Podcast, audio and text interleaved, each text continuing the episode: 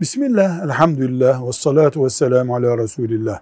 Bir yolla günün birinde haram bir para cebime koydum. Şimdi bu paradan kurtulmak istiyorum. Devlete zorunlu vergi ödemem lazım. Elimdeki haram parayı, kul hakkı parası değil, haram para. Haram parayı vergiye versem bu günahtan kurtulur muyum? Bu ne demek olur? Sağ cebinden çıkarıp sol cebine çıkarmak demek olur.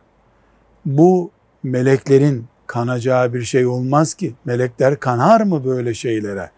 Yani ben vergiyi helal paramla ödeyecektim. O helal paramı değil haram parayı kullanıp vergi ödeyeceğim.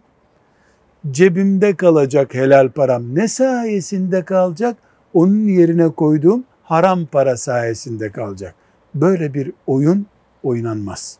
Velhamdülillahi Rabbil Alemin.